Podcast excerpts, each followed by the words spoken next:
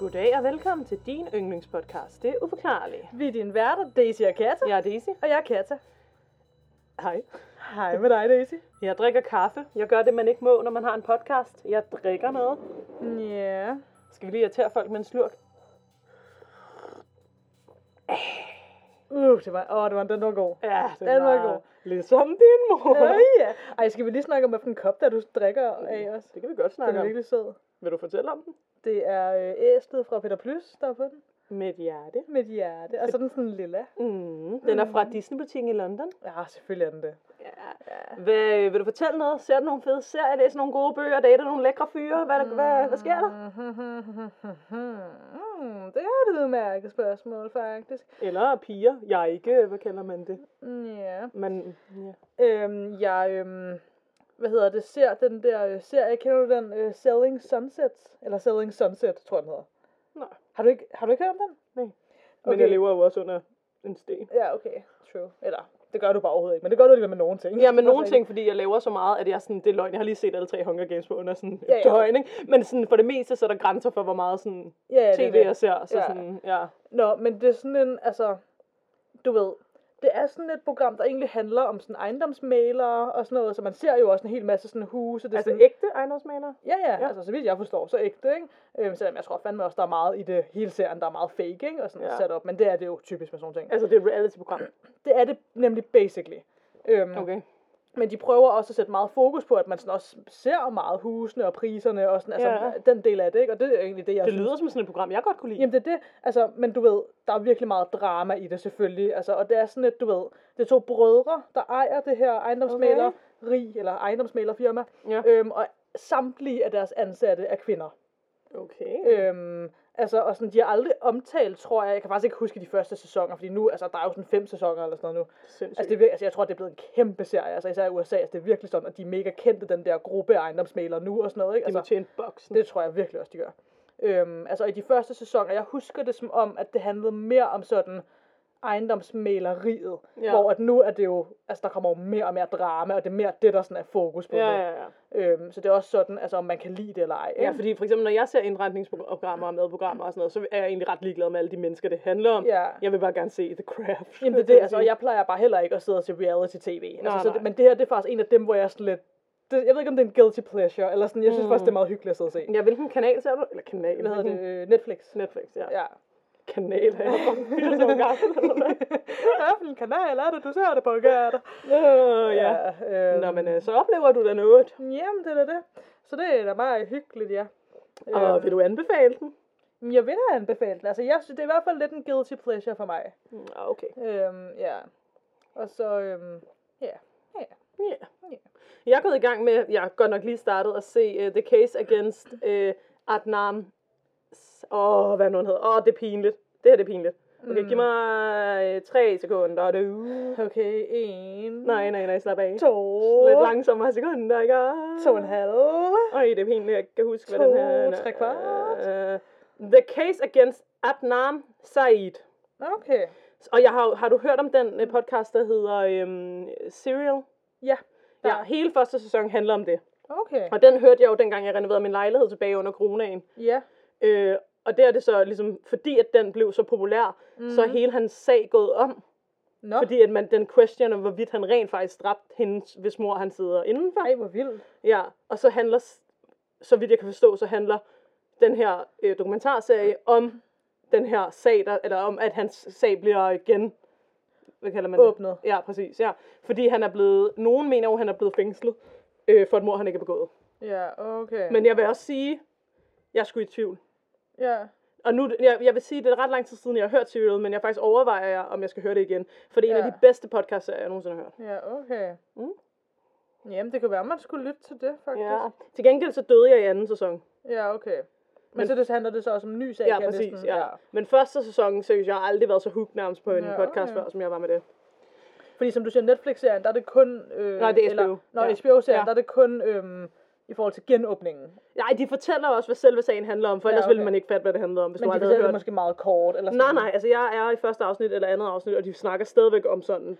Nå, okay. Så de forklarer ligesom, hvad det handler om og sådan noget, men Ja, podcastserien er bare så god, at... ja okay. Jeg forstår. Ja. Ja. Mhm. Okay. Ja, så det er jeg gået i gang med. Det er sådan noget, jeg laver, når jeg skal slappe af. Ja, spændende. Det, eller læser, eller ser Harry Potter. Ja, Ja. eller skriver. Ja. Ja. Nå, men øhm, hvordan øh, skal vi gå i gang, eller? Ja, så jeg ikke bare sidder og drikker kaffe. Mm. Ja. Altså, hvem er det, der skal starte? vi? Det ved jeg ikke. Det var en Øhm, mystisk og kort tid. Jamen, Skal jeg nemlig. starte, eller hvad? Okay, jeg tager lige nogle slurker af min kaffe, og så starter vi. Okay. Let's do it. Og vent, jeg skal også lægge et glas vand. Helt lige frem. Ja, Okay, okay, okay. okay, okay. Vi venter lige på Daisy, der drikker vand. Mm, mm, mm, mm. Boom, boom, boom, du. Det er fordi min tandlæge siger, at man får mindre farvede tænder, hvis man drikker vand, efter man har drukket kaffe. Mm. Men skal man så egentlig drikke efter sådan hver slurk? I princippet, men, Ja, okay. men øh, du ved. Ja, jeg tager Ja. lige en ekstra slurk. For, Jeg synes også sådan noget som kaffe og sådan noget, det er virkelig også noget, der sådan farver, hvad der vil kalde det mine tænder. Det gør det også. og det, er, åh, det er så irriterende. Det er irriterende. Nå, nu går jeg i gang. Uh, det var hårdt, jeg sveder helt. Nå. Jeg skal snakke om monstret fra Chiverdon. Okay. Okay, er du klar? Yes. Eller The Beast from Chiverdon. Chiverdon? Nå, det er fransk, okay? Mellem årene 1520 og 1630 led folket i Frankrig under, hvad der nu er kendt som den franske vareulveepidemi. okay. Yes. Over 30.000 mennesker blev beskyldt for at være vareulve i de 110 års tid, som det ligesom var, ikke? Wait, what? Ja, 30.000 mennesker blev dømt for at være vareulve. Hold Ja. Øh, 30.000 mennesker blev altså arresteret, tortureret og dræbt. De lavede efter sine, altså mente man, de aftaler med djævlen, øh, så djævlen gav dem i visse historier et magisk bælte, så de kunne beskytte deres familier og øh, hjorter, eller hvad hedder det, horder, hvad hedder sådan nogle dyreflokke? Ja, en, en hårdt hedder det ikke? Ja, whatever. Ja. Øh, hvis der kom fremmede, der ligesom ville gøre dem noget. Så blev de altså til varulve, så de kunne dræbe og æde folk, der kom tæt på deres jord. Hold da op. Øhm, ja, så det mindede altså lidt om for eksempel også hekseforfølgelserne, men bare hvor folk troede, de var varulve-agtigt, Ja. Nå. Så efter 130 år, altså hvor det egentlig det var faldet ned, og så efter 130 år, så kom monstret fra Gévaudan så. Mm-hmm.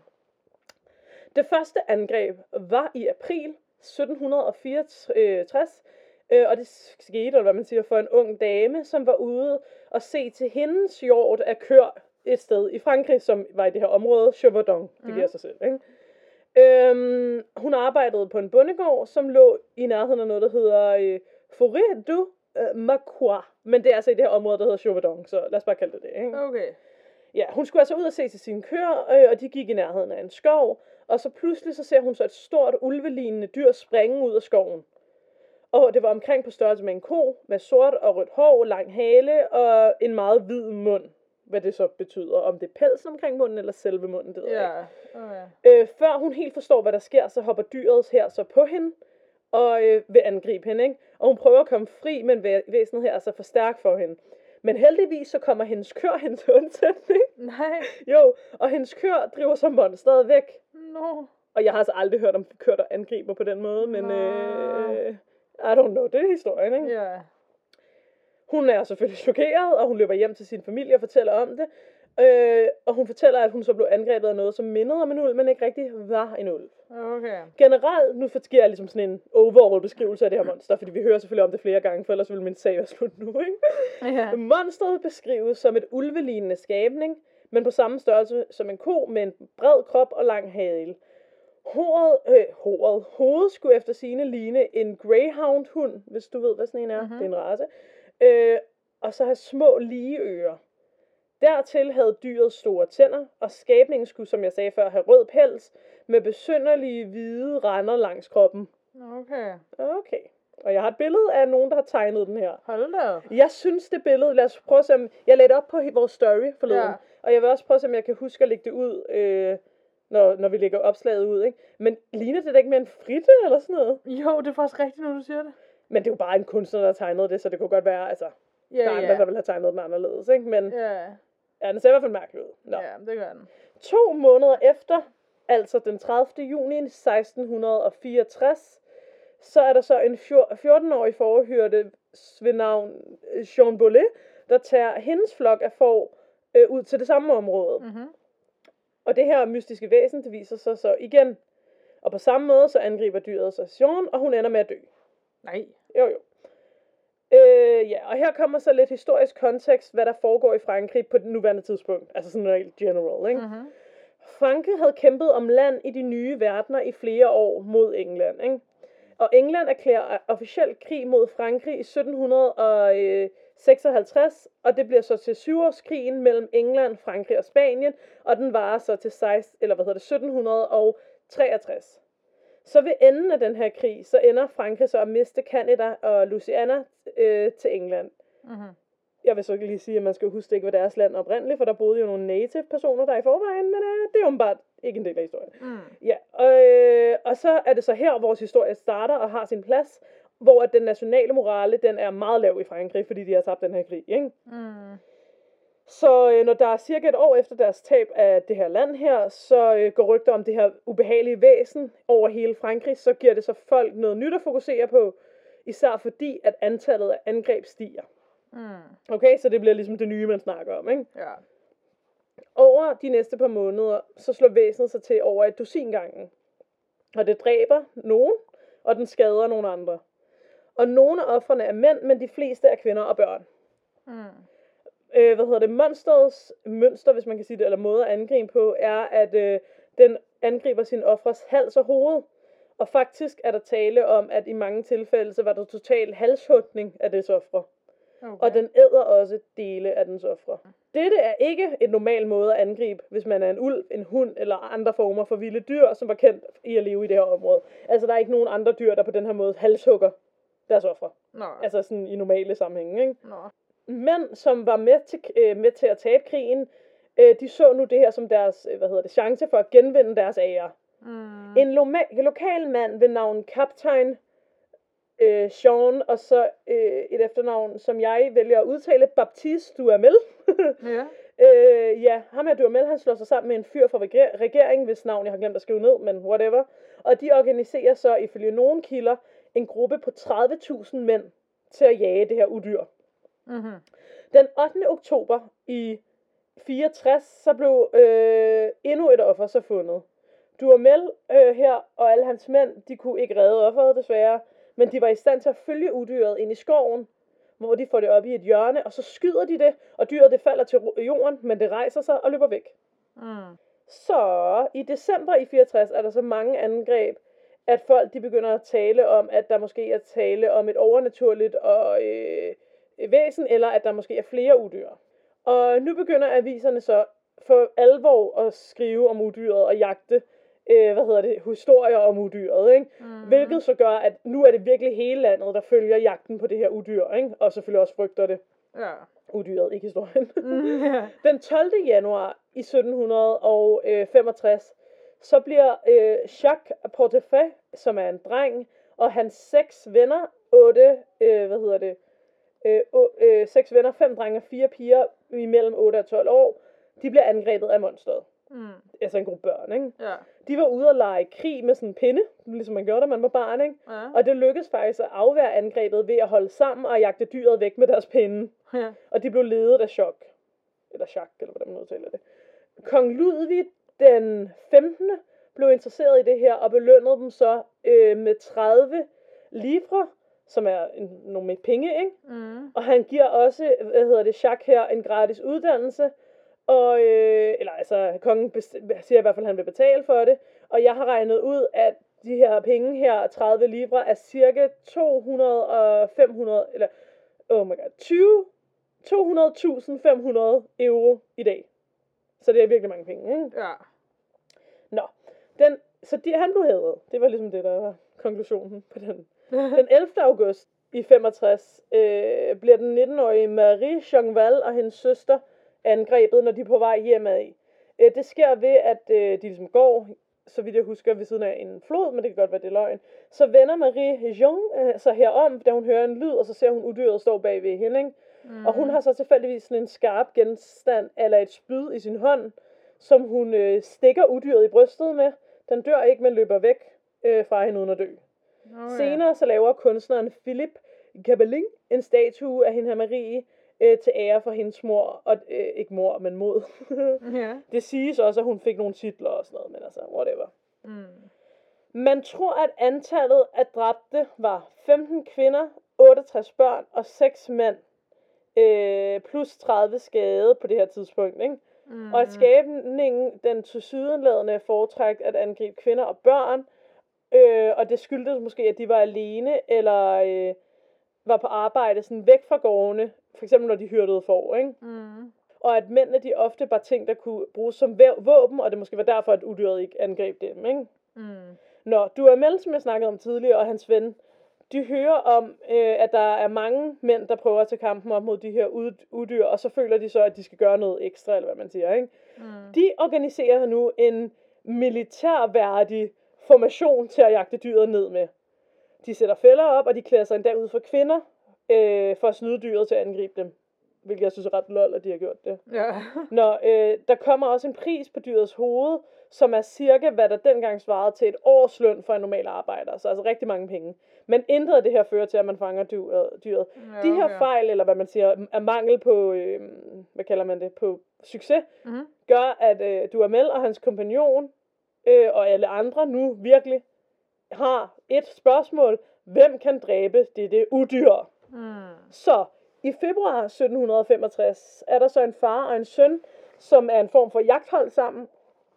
De sætter sig så for at dræbe dyret, og det skal siges, de kommer rejsende fra Normandiet. De havde hørt om det i Normandiet og kommer rejsende. Ikke? Ja. De siger, eller påstår, at de sammen havde øh, dræbt 1200 ulve, så de mener, altså normale ulve, ikke? Så de mener, at de er, hvad kalder man det, the people, eller sådan, de er dem, der kan gøre det, eller sådan, Ja. ikke? De snakker rigtig meget om, hvor gode de er, og hvor meget de nok skal komme og dræbe det her udyr, ikke? Mhm. De bliver adv- advaret af blandt andet Duhamel, øhm, for at udyret her, øh, hvad hedder det, er farligt og sådan noget. Øh, men de siger, at de alligevel vil gøre det. Og så siger Duhamel så i et citat, I vil indse som jeg, at udyrets far er en løve. Altså, med det mener han, det er meget farligt, ikke? Ja. At monster simpelthen, ikke? Og jeg ved så ikke, hvem han regnede med, moren skulle være. Men øh, ja. De her far og sønhold, de prøver at jagte og dræbe det her udyr.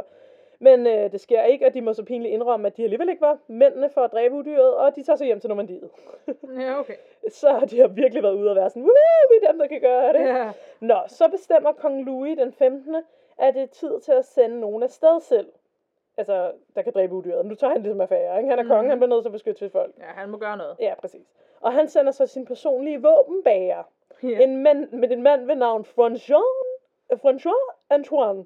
øh, hvad hedder det? Og han skulle efter sigende være den dygtigste jæger i hele landet. Mm. Det lyder som et eventyr, ikke? Jamen, det, jamen, det Ja. er det, jeg griner af, fordi det er sådan, ja.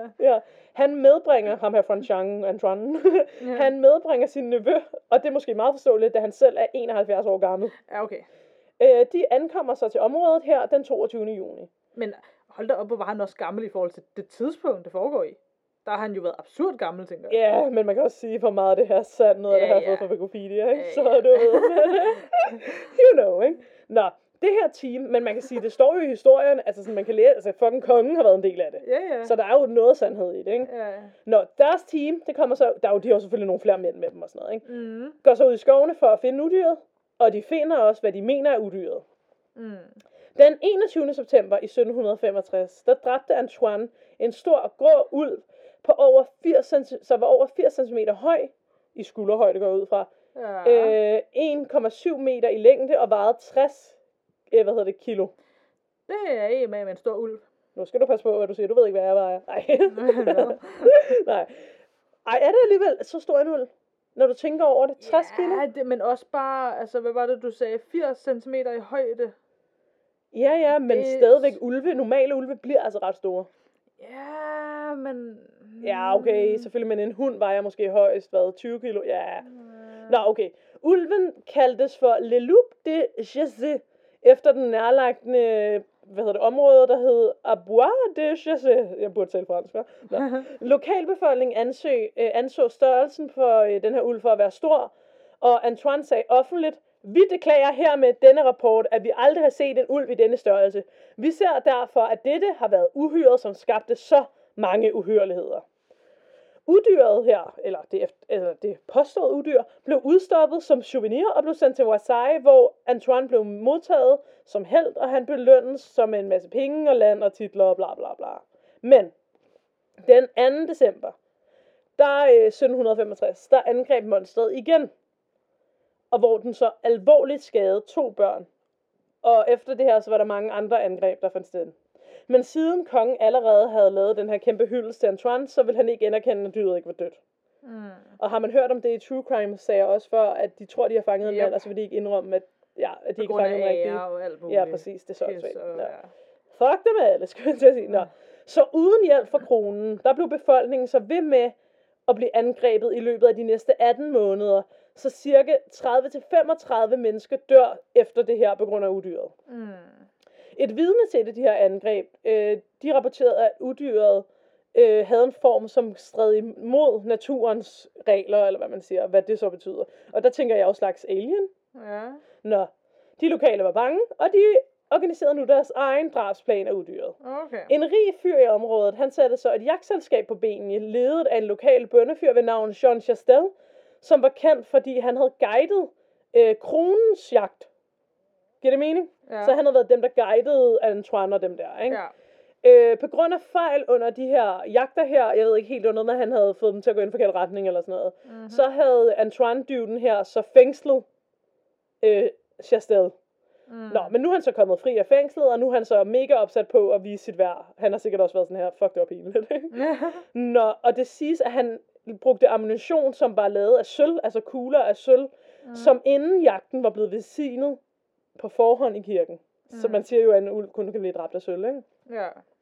Nå, men de tager afsted, og den 19. juni i 1767, så finder de så udyret. Chastel, Chastel skyder det og ødelægger udyrets skulder, og river struben ud, og det dør. 213 angreb over al den her tid, og øh, cirka 113 drab, hvor 98 af disse var øh, delvis spist. Sket fra udyrets hånd, hvis man kan sige det er. Nå, så er spørgsmålet jo selvfølgelig, hvad var udyret? Nogen tror, det var en varulv. Nogen tror, det var Guds straf eller et monster skabt af troldmænd.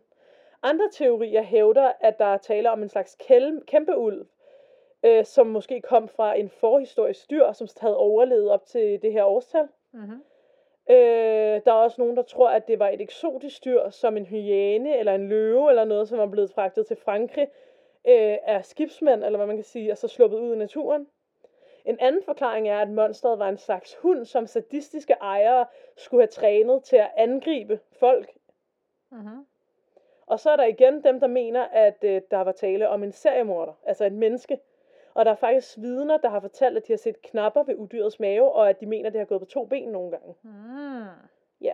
Tak til My Favorite Murder, episode 238 Lady Suit, Dangerous Mind, Wikipedia, All That's Interesting, History.com og atlasobscuria.com. Okay. Ja, ja, ja, ja, ja. Mm, Det eller er- også så var det bare, hvad nu hvis der er varulve derude? Ja, men det kan jo sagtens Men være. så forstår jeg bare ikke, hvorfor der ikke er noget snak om, hvad de gjorde med udyret, efter de havde dræbt det. Ja. Men, øh, fordi hvis det var en varulv, skulle det så ikke forvandle sig til et menneske, efter det var dødt? Jo, det er der i hvert fald nogen, tror jeg, teorier, der sådan går på. Mm-hmm. At det er sådan, det fungerer. Har vi egentlig lavet et Ja. afsnit, der bare handler om varulve? Det tror jeg ikke. Har vi det? Nej, det tror jeg ikke. Det Nej. kan nås endnu. For vi, vi har jo lavet om vampyrer og sådan noget, Mhm. for eksempel, men øh, ja, Ja, så lad os lade være med at snakke for meget om varulve. Det kan være en af os, eller os begge to skal snakke om det i et afsnit. jamen, det kunne faktisk godt, det, det kunne være Nu interessant. er det i hvert fald oplagt, at jeg måske arbejder videre med det, ikke? Ja, ja, ja, ja, 100 procent.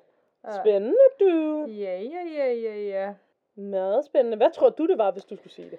Jamen, altså, det kommer, jeg ved ikke, om det kommer til at lyde forkert der, Ja. men jeg kan godt lide, altså det er jo ikke, fordi jeg kan lide det, men altså Nej. forstå mig ret, jeg kan godt lide i godstegn teorien om, at det faktisk er en seriemorder. Ja, jeg kan også I godt en, lide, øhm, lide det, eller ikke lide den teori, Nej, men, men- fuck, det er klamt, en, der har det er det. tænkt, at sådan, Jamen, det er netop det. Ja. Altså, det er fordi, at det er så sådan...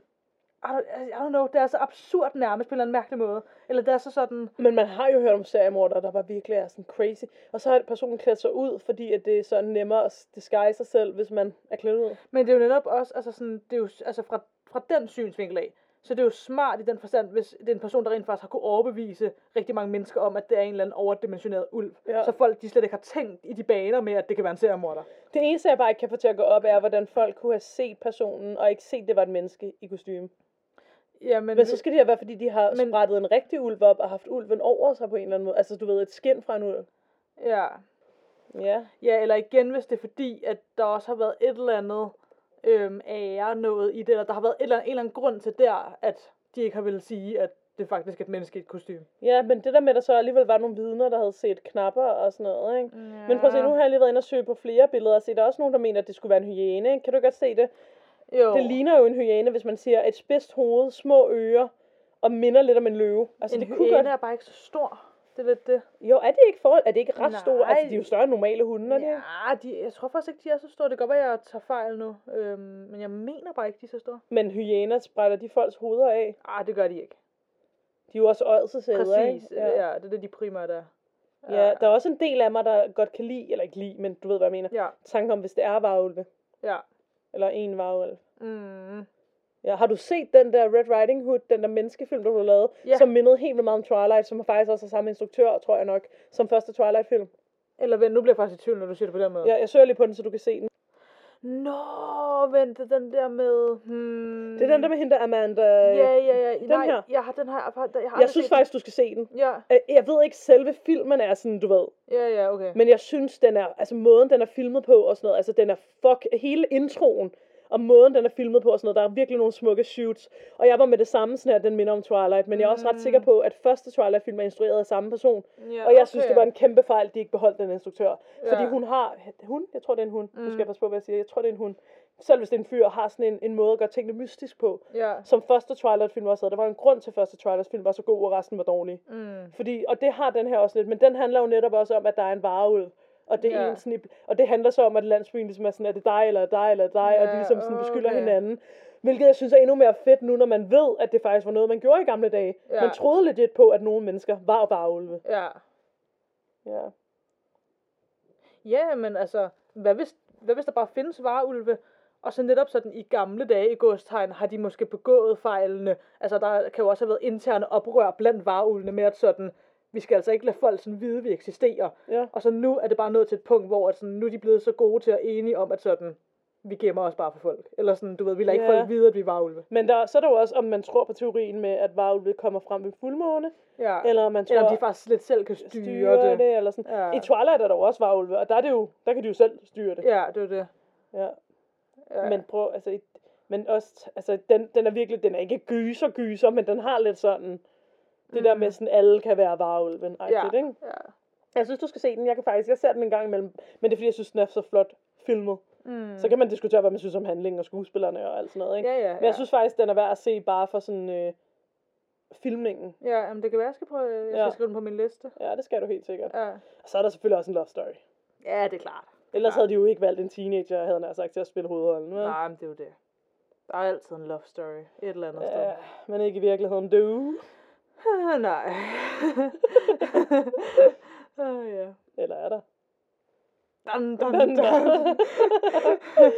I don't believe in love. Ah, ja.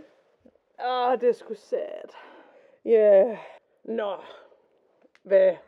Ja. Yeah. Skal vi gå videre? Skal, det, skal jeg snakke om min sag? Ja, ved du hvad. Ja, det er den tid.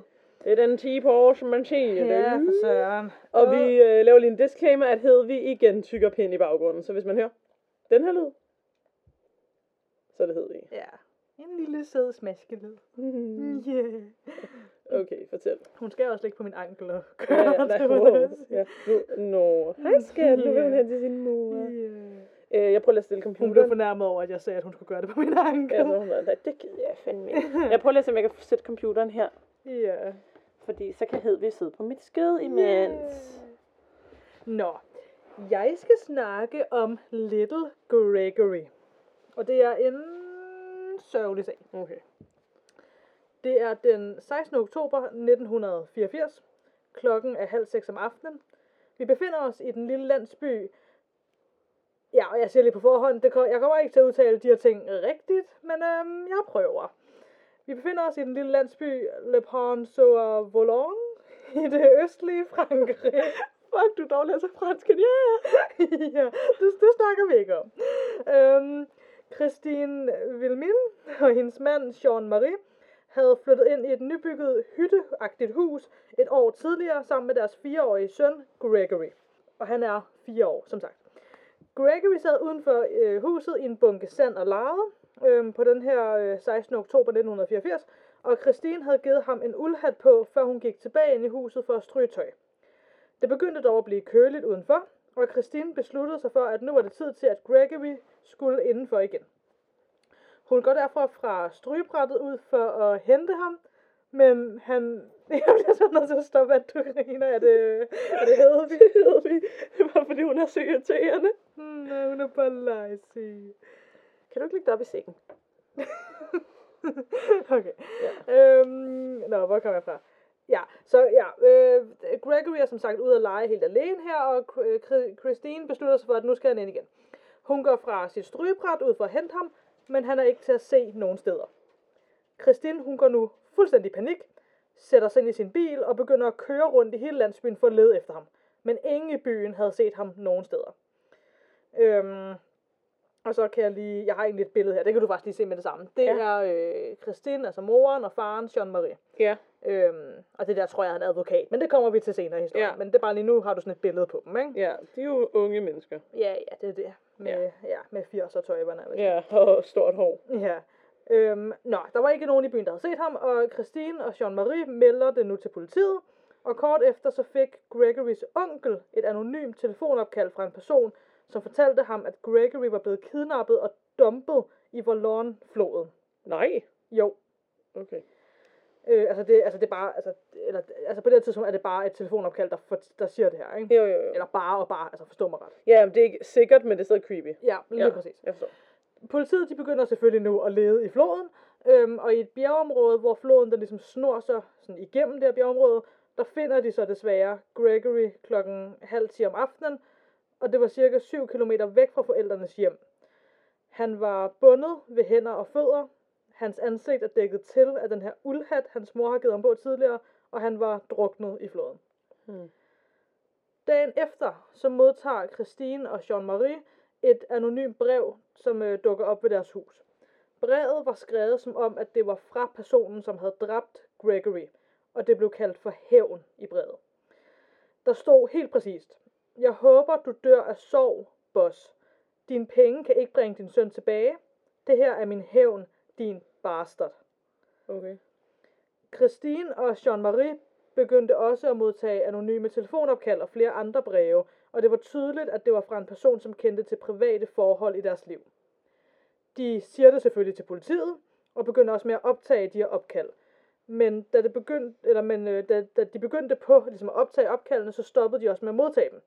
Og det var så her, at brevene for alvor begyndte at øh, komme i stedet for telefonopkaldene. De fleste af brevene var skrevet direkte til Jean-Marie, hvor han også ofte blev kaldt for bossen eller boss. Det der var med ham, det var, at han var chef for cirka 20 personer på sit arbejde, som var sådan en bildelsfabrik.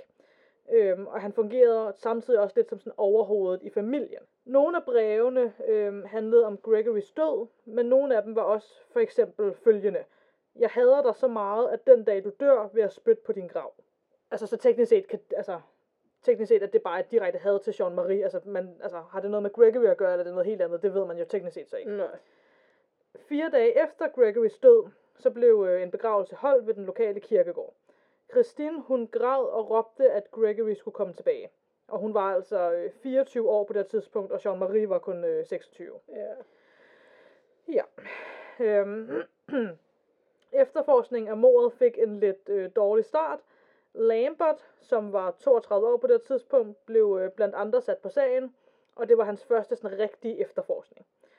Sagen fik også meget hurtigt rigtig meget opmærksomhed i medierne, og det offentlige øh, pres, blandet med Lamberts manglende erfaring, var måske grunden til, at han lavede flere store fejl i sagen, især i begyndelsen. Gerningsstedet blev for eksempel ikke ordentligt bevaret og gennemtjekket, og det fejlede også at få en fuld obduktion af Gregory. Der var desuden vigtige spor, der senere bare blev smidt væk. Øhm, og jeg har ikke kunne finde ud af, hvad for nogle spor det var. Men, øhm, men ja, og om det så var med vilje, de blev smidt væk, eller hvad, det Mm. er jo så også en spekulation. Ja. Til at starte med, så blev øh, Jean-Maries familie nogle af de hovedmistænkte i sagen.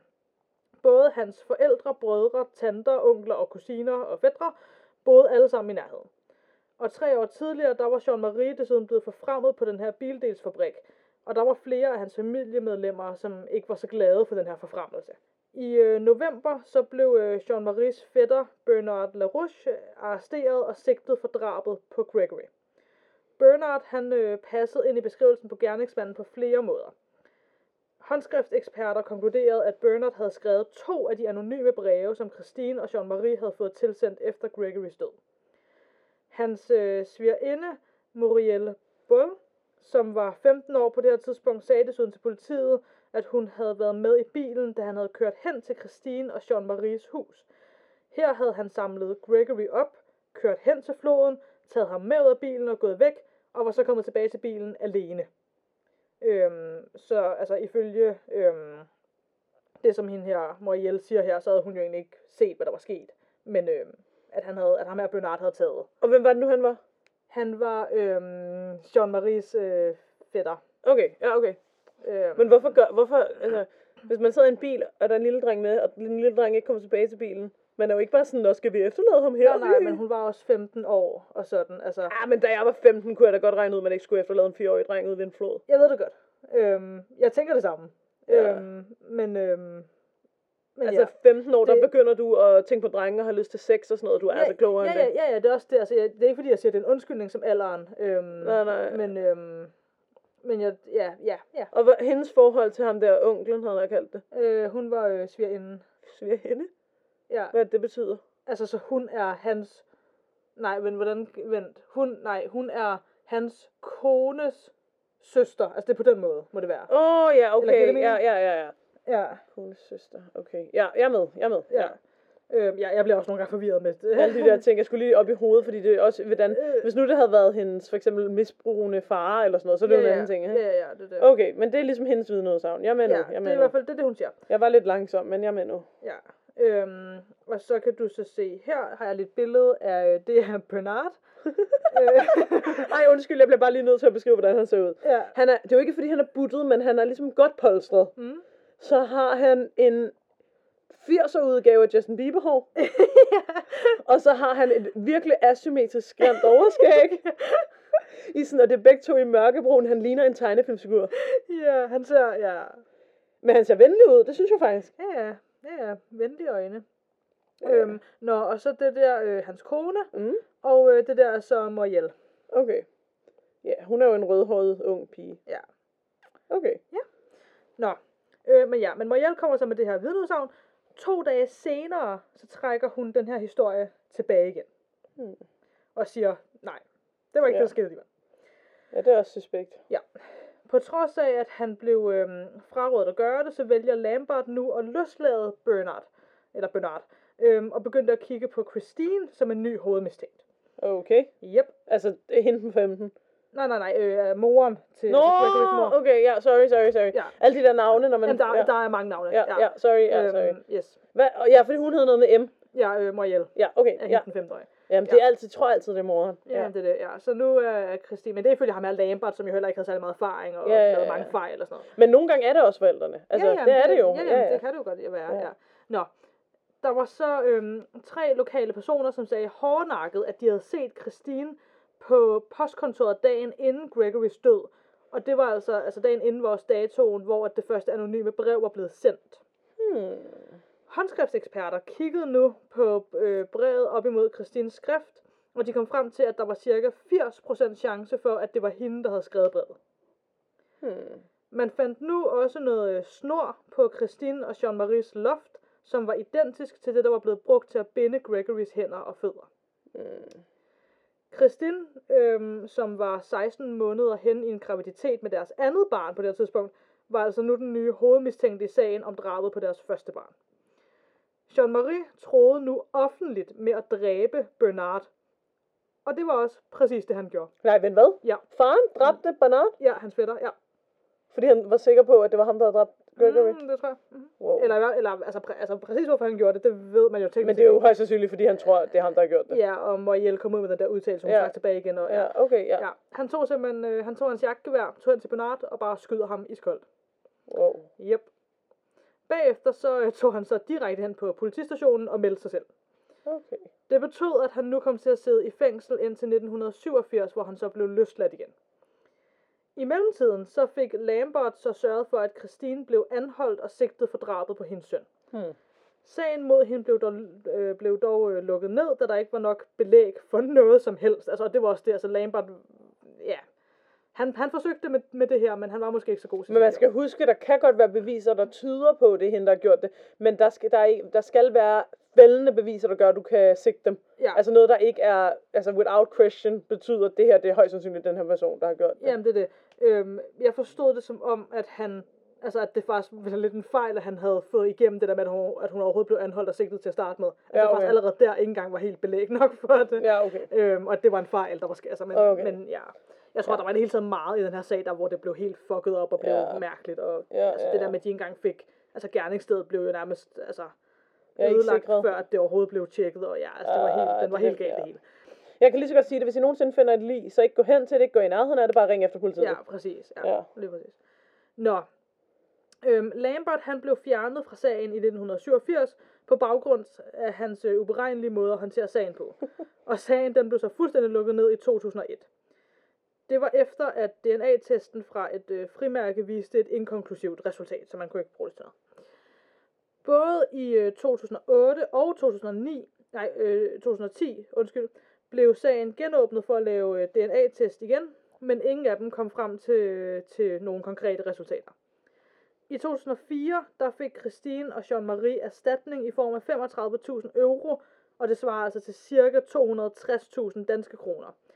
Det fik de på baggrund af en efterforskning, som var fuldstændig fejlet og håndteret forkert, som muligvis havde ført til, at de fik frataget sig muligheden for at finde ud af, hvad præcis der var sket med deres søn. Øhm, og ja, så blev det sagt som, at det havde så ligesom påført dem personlig skade Ja, i hvert fald sov, ikke? og sov, ja. Øhm, sagen den er stadig uopklaret i dag, men i 2017 var der igen nogle øh, håndskrifteksperter, som kiggede på sagen, og deres analyse kom frem til, at brevene var skrevet af både en mand og en kvinde, og at det mere specifikt kunne have været Gregorys grandtante og grandonkel. Hmm. Der blev med øh, moderne teknologi kigget på sagen igen, og man kom frem til, at det var relativt sandsynligt, at, en, at det var en gruppe omkring Bernard, der ligesom stod bag drabet. Altså så Bernard måske også havde været med i det, men at det ikke kun var ham, det var også en gruppe, der bakkede ham op. Eller Men hvorfor ham. vil man dræbe en af sine familiemedlemmers børn? Ja. Det er jo så spørgsmålet, om det har været noget jalousi over for øh, Jean-Marie, som jo var lidt ho- overhovedet i familien, eller... Og det der med, at der var, ikke- de kunne ikke lide, at han blev forfremmet, og han havde succes, og altså... Men hvorfor er det, de ikke... Altså, jeg tænker, hvis jeg var politibetjent, ikke? Ja.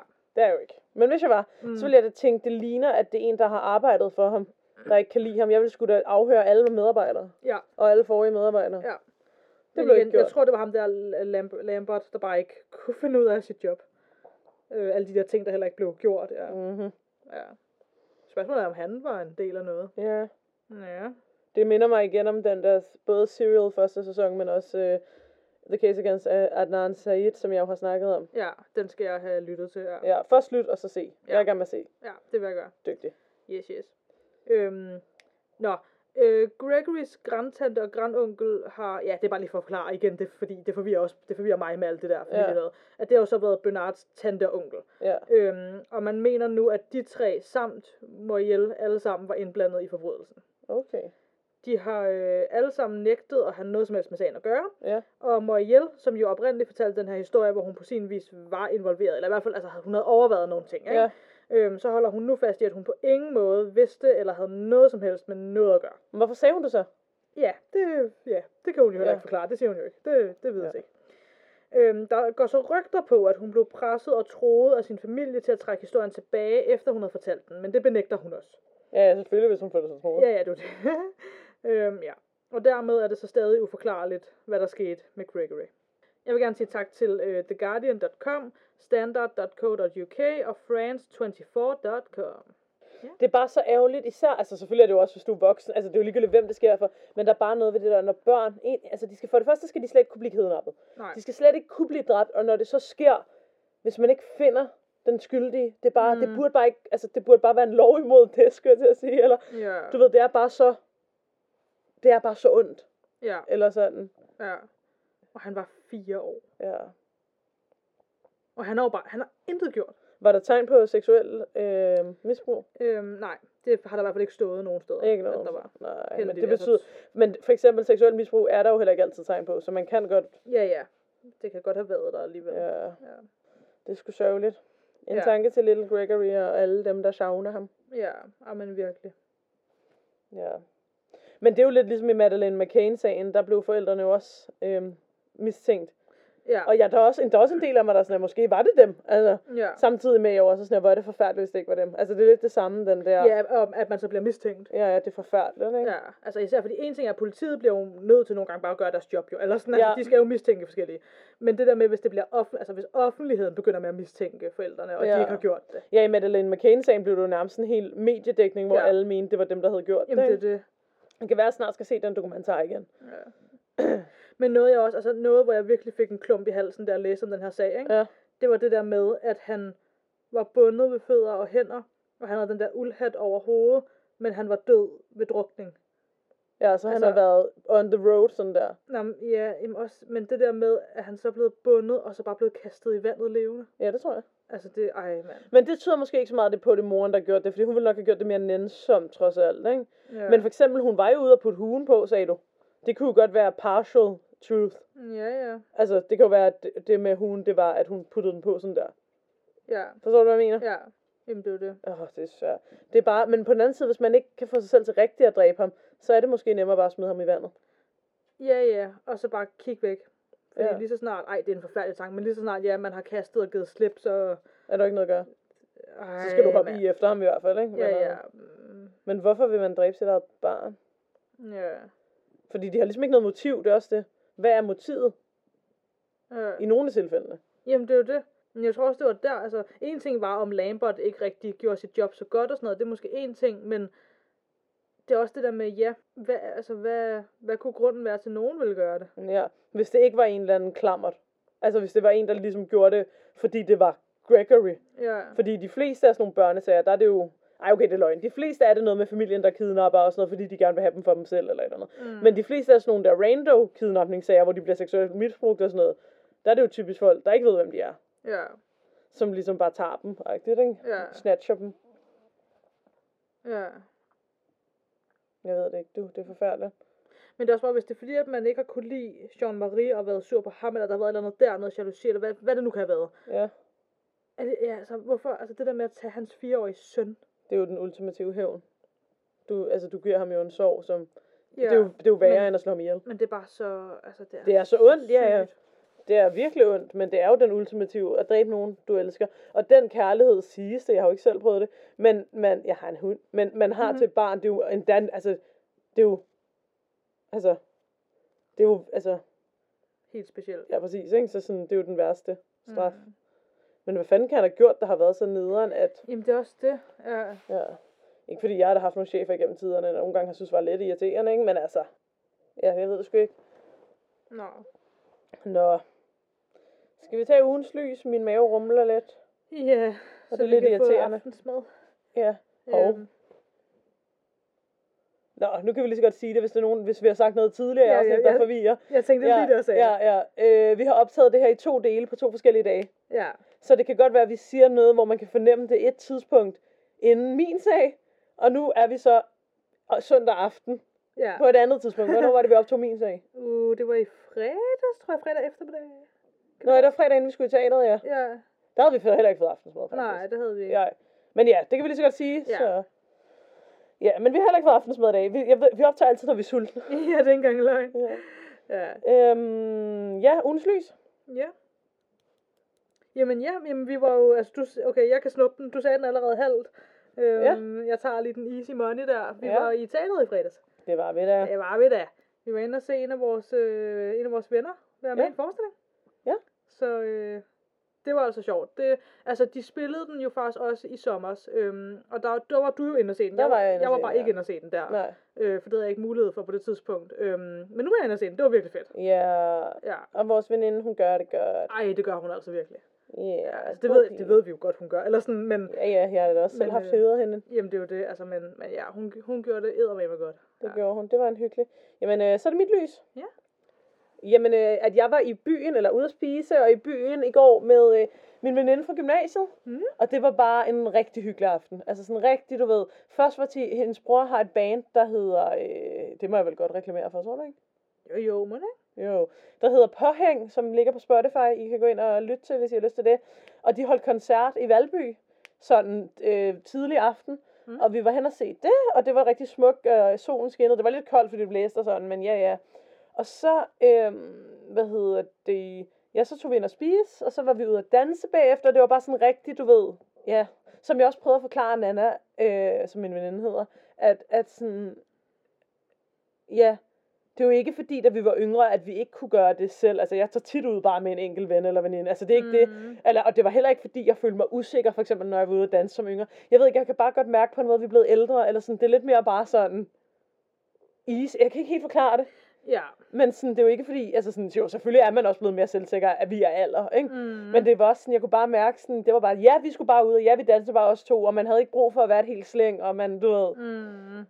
ja, og man kunne lolle over de der små øh, unge, hvad, 20-årige piger, der står og nærmest ikke tør bevæge sig på dansegulvet, ikke?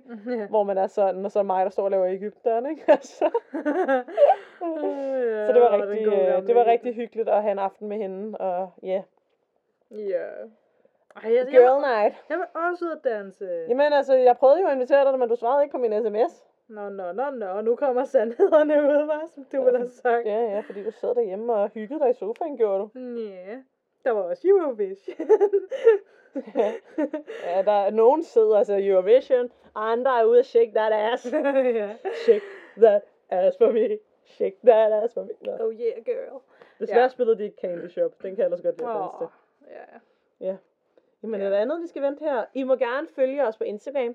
Der hedder vi det, underscore det uforklarlige. Og I må selvfølgelig gerne skrive spørgsmål til os. Mhm. Eller, jeg har faktisk overvejet, nu må vi se, om vi rent faktisk får det gjort, men om vi skulle lave sådan et afsnit, der var, hvor folk kunne spørge spørgsmål til os personligt. Altså, hvor det ikke Ja. nødvendigvis handler om det uforklarlige, men det bare var sådan en lær os at kende afsnit. Ja, ja, så kan vi bare snakke om alt muligt. Ja, Ja. altså, hvad er jeres livret, og altså sådan noget der. ja. Det ved jeg ikke. Det kunne faktisk være altså, meget hvis man har siddet og lyttet igennem over 50 afsnit til os, Mm. så må man da, altså sådan, det ved jeg ikke. Det ved Spekulere i nogle ting, Ja, nærmest præcis. sige. Øh, ja, så bare skriv til os. Øh, og på Facebook hedder vi det uforklarlige, og fortæl jeres venner og fjender om os.